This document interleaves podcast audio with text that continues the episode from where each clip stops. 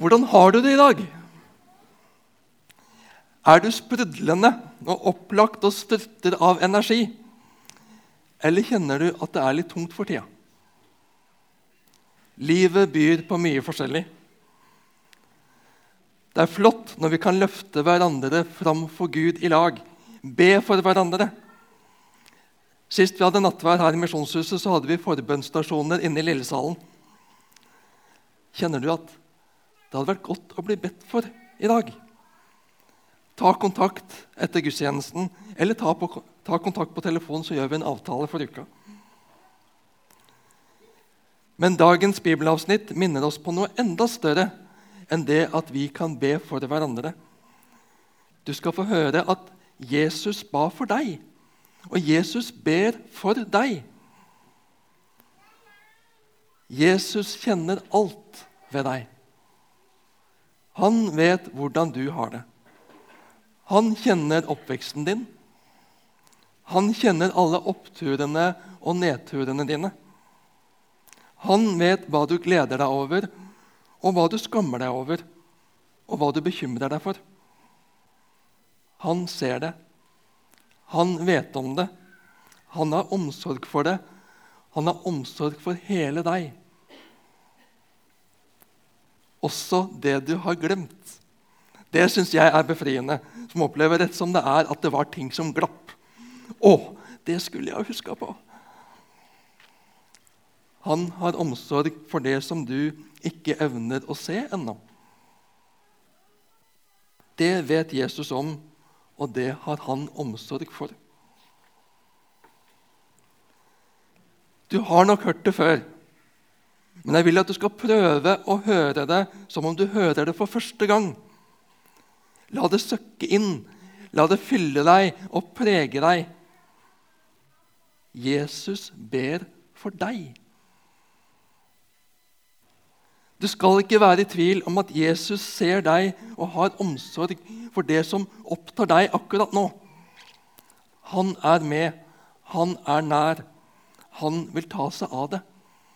Han vil ta seg av deg. Og han har ikke bare omsorg for deg, men bærer deg også i bønn innenfor Gud, vår Far. Sammen så har de omsorg for deg. Den allmektige Gud i sin treenighet har omsorg for deg. Vil du prøve å høre det? Prøve å la det fylle hjerte og tanker og sinn og følelsesliv?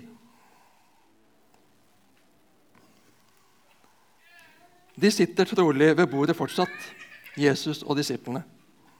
De har spist påskemåltidet, høytid og fest. Jesus har innstiftet nattverden, og han har delt ut vin og brød. Hvor mye disiplene forsto da, det er uvisst. Men Jesus sa, 'Dette er min kropp. Dette er mitt blod.' Jesus vet at dette er siste kvelden de har sammen før han skal tas til fange. Hånes, spottes, pines til døde. Han har så mye han vil si dem. Han er så glad i dem, og han ber for dem, disiplene som sitter der rundt ham. Men ikke bare for dem, men for dem som gjennom dem kommer til tro på ham. Og Nå skal vi stå alle mens vi hører Jesu egne ord fra Johannes 17, vers 20-26. Jeg ber ikke bare for dem, men også for dem som gjennom deres ord kommer til tro på meg. Må de alle være ett, slik du, far, er i meg og jeg i deg. Slik skal også de være i oss, for at verden skal tro at du har sendt meg. Den herligheten du har gitt meg, har jeg gitt dem, for at de skal være ett, slik vi er ett, jeg i dem og du i meg, så de helt og fullt kan være ett. Da skal verden skjønne at du har sendt meg, og at du elsker dem slik du har elsket meg. Far, du har gitt meg dem, og jeg vil at de skal være der jeg er. Så de får se min herlighet, den du har gitt meg, fordi du elsket meg før verdens grunnvoll ble lagt. Rettferdige Far, Verden kjenner deg ikke, men jeg kjenner deg, og disse vet nå at du har sendt meg. Jeg har gjort ditt navn kjent for dem og skal fortsatt gjøre det, for at den kjærlighet du har hatt til meg, kan være i dem, og jeg selv kan være i dem. Slik lyder Herrens ord. Vær så god, sitt. Kjenner du varmen? Kjenner du omsorgen? Kjenner du inderligheten i Jesu bønn? Han ser deg. Han kjenner deg. Han har omsorg for deg, og han ber for deg. Men ser du perspektivet hans? Jesus forholder seg ikke til deg alene. Jesus forholder seg ikke til deg isolert fra andre. Vi i vår tid, i vår del av verden, har en ekstremt individualistisk tankegang. Det omgir oss, og det preger oss. Men slik tankegang er fjernt fra Jesu tankegang. Det er en utfordring for oss kristne, som kristent fellesskap, som forsamling, som menighet og som ulike menigheter. Og vår troverdighet, Jesu vitnesbyrd i verden, er avhengig av hvordan vi er overfor hverandre. Det utfordrer meg. Og Når jeg leser Jesu ord, så hører jeg en intensitet og en inderlighet på grunn av kjærligheten som ligger bakom ordene. En kjærlighet for deg ja. En kjærlighet for meg ja. En kjærlighet for oss alle ja. For nabomenigheten ja, faktisk. Men det stopper ikke der. For hans kjærlighet for de utenfor ligger også bak Jesu ord og Jesu bønn. De som ikke våger seg innenfor dørene i Misjonshuset eller noen annen kirke eller kristen menighet, forsamling. De som ikke ser noen vits i å bruke tid i noen menighet. De som føler at de ikke har noe til felles med dem som trør ned kirker og menighetslokaler i byen vår de som har en fiendtlig holdning til de som kaller seg kristne. De som aldri i realiteten har hørt hva det dreier seg om. At det er en Jesus, en Gud som virkelig elsker dem, som ga livet sitt for dem, for at de skal få et nytt, helt og godt liv som ingen ende skal ta. Jesu kjærlighet for dem ligger bakom ordene, ligger bakom bønnen. Jesu nød for dem, at de skal kunne høre og tro, ligger bak bønnen til Jesus.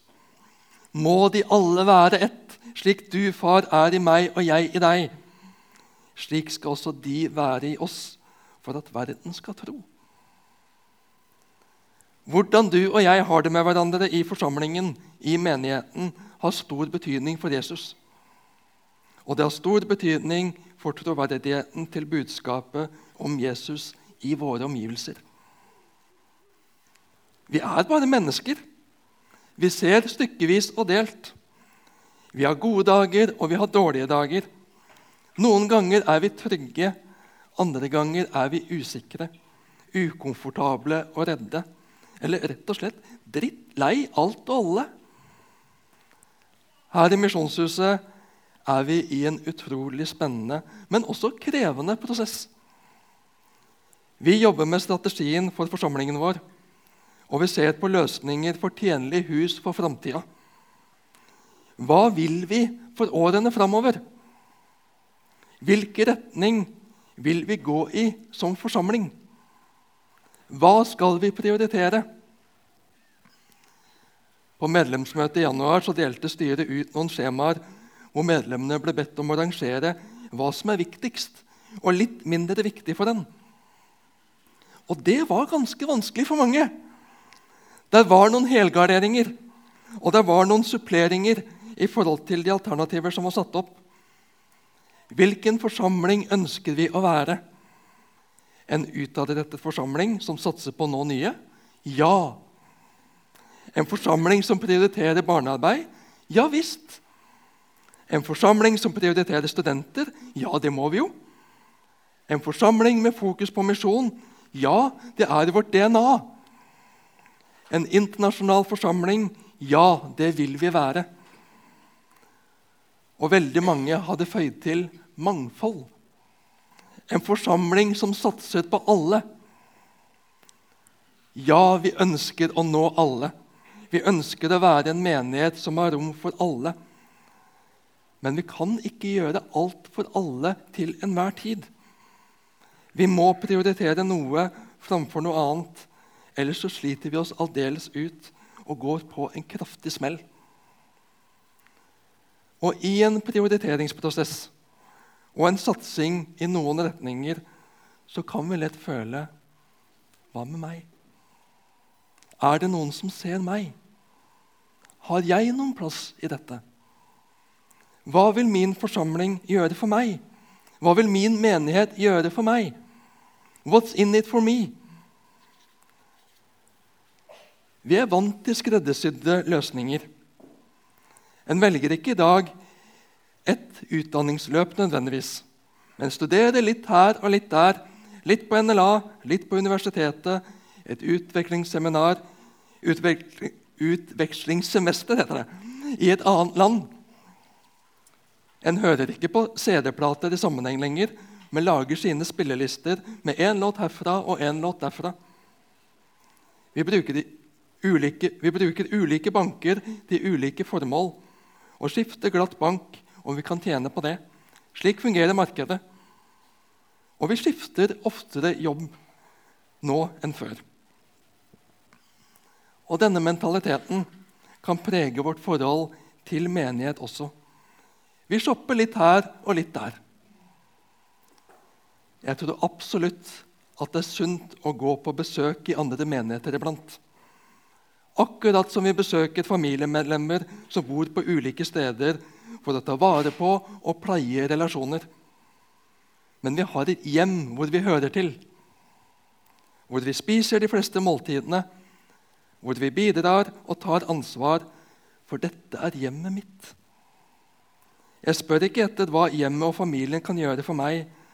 Jo, jeg ber om hjelp. Jeg deler gleder og sorger, og jeg bidrar med tanker og ord, omsorg og innsats for at hjemmet skal være et godt hjem for alle som hører til der, om det er én person eller flere personer som bor der til daglig. Er en alene, så vet en at det nytter ikke å vente at andre tar det. Men er en mange, så kan en fristes iblant til å tenke at han tar det sikkert. I forsamlingen så er vi ganske mange. Og det er utrolig kjekt. Vi er i ulike livssituasjoner, men vi hører sammen. Vi er en familie. Vi er medlemmer om en har meldt seg inn eller ikke har kommet dit ennå. Eller, men kjenner at 'her hører en til'. Eller 'her prøver jeg å finne ut om dette er en plass jeg kan høre til'. Medlemmer. Vi er lemmer på samme legeme. Vi er et stort vi. Det er ikke de og oss. Det er ikke vi og dere. Det er ikke de yngre og de eldre. Det er ikke de gifte og de single. Det er ikke de norske og de utenlandske. Vi er ett.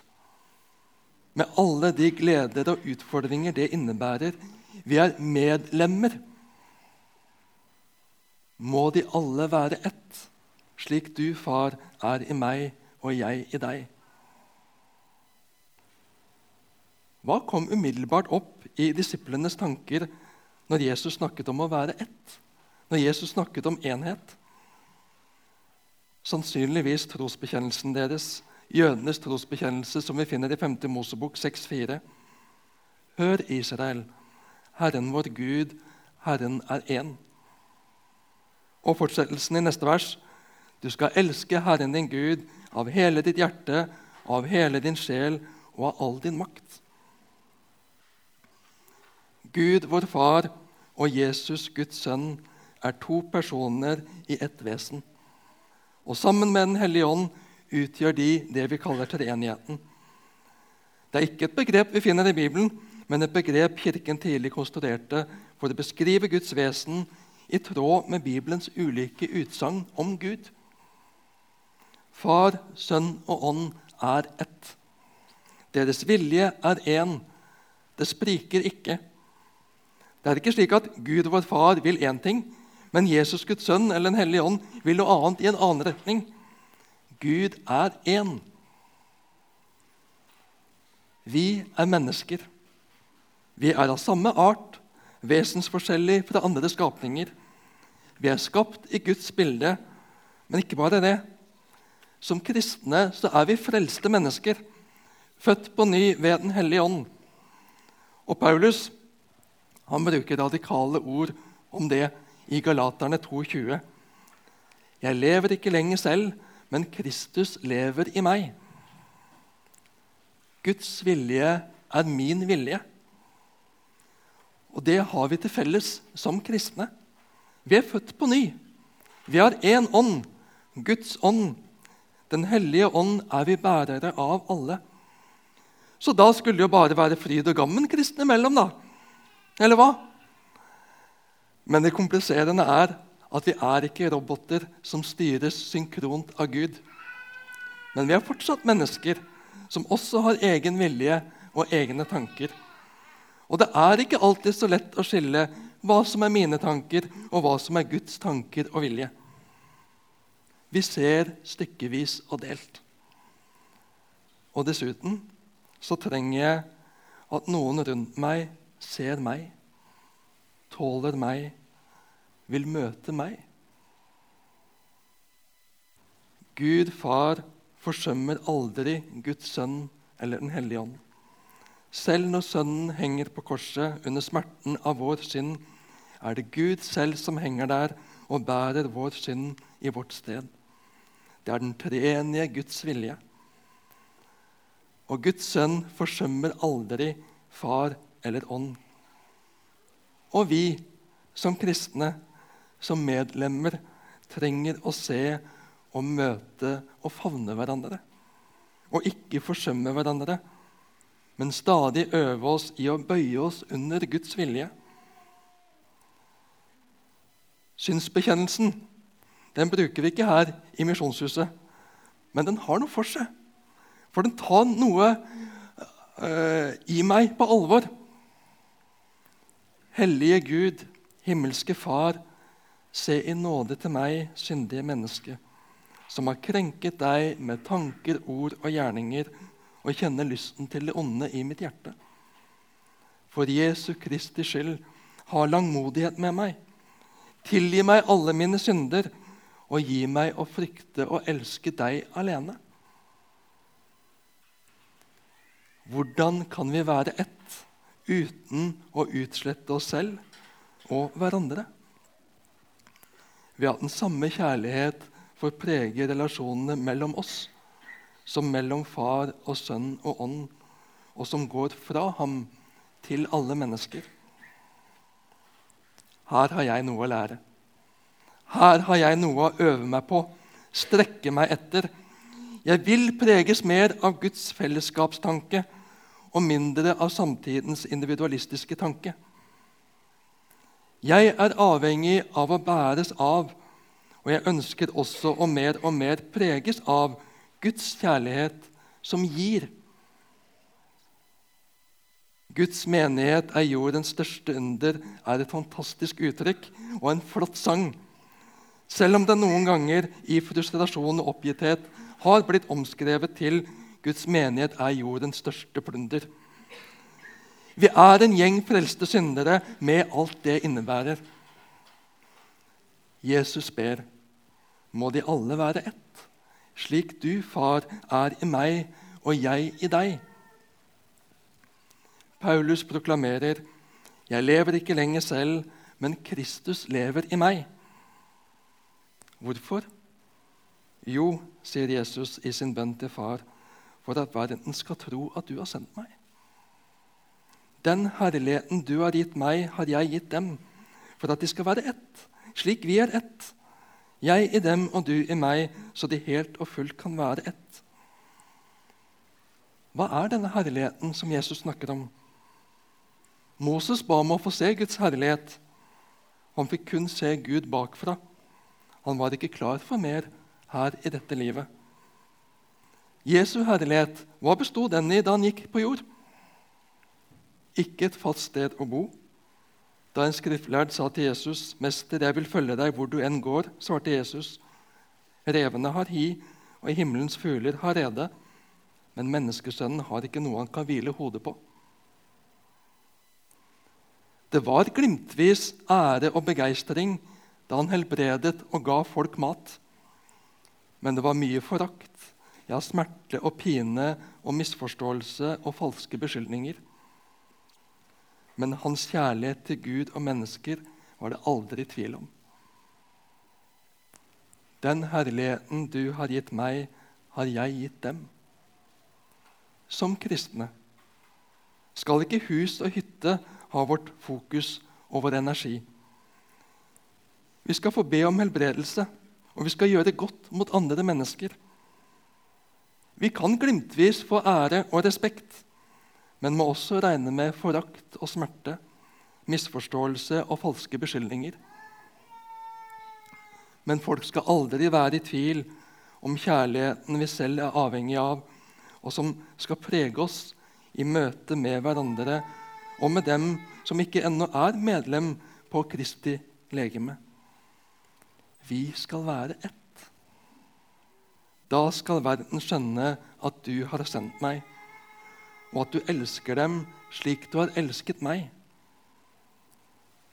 Guds kjærlighet som strømmer gjennom, preger og varmer og strømmer videre ut i nabolag, by og land, ja, til verdens ende.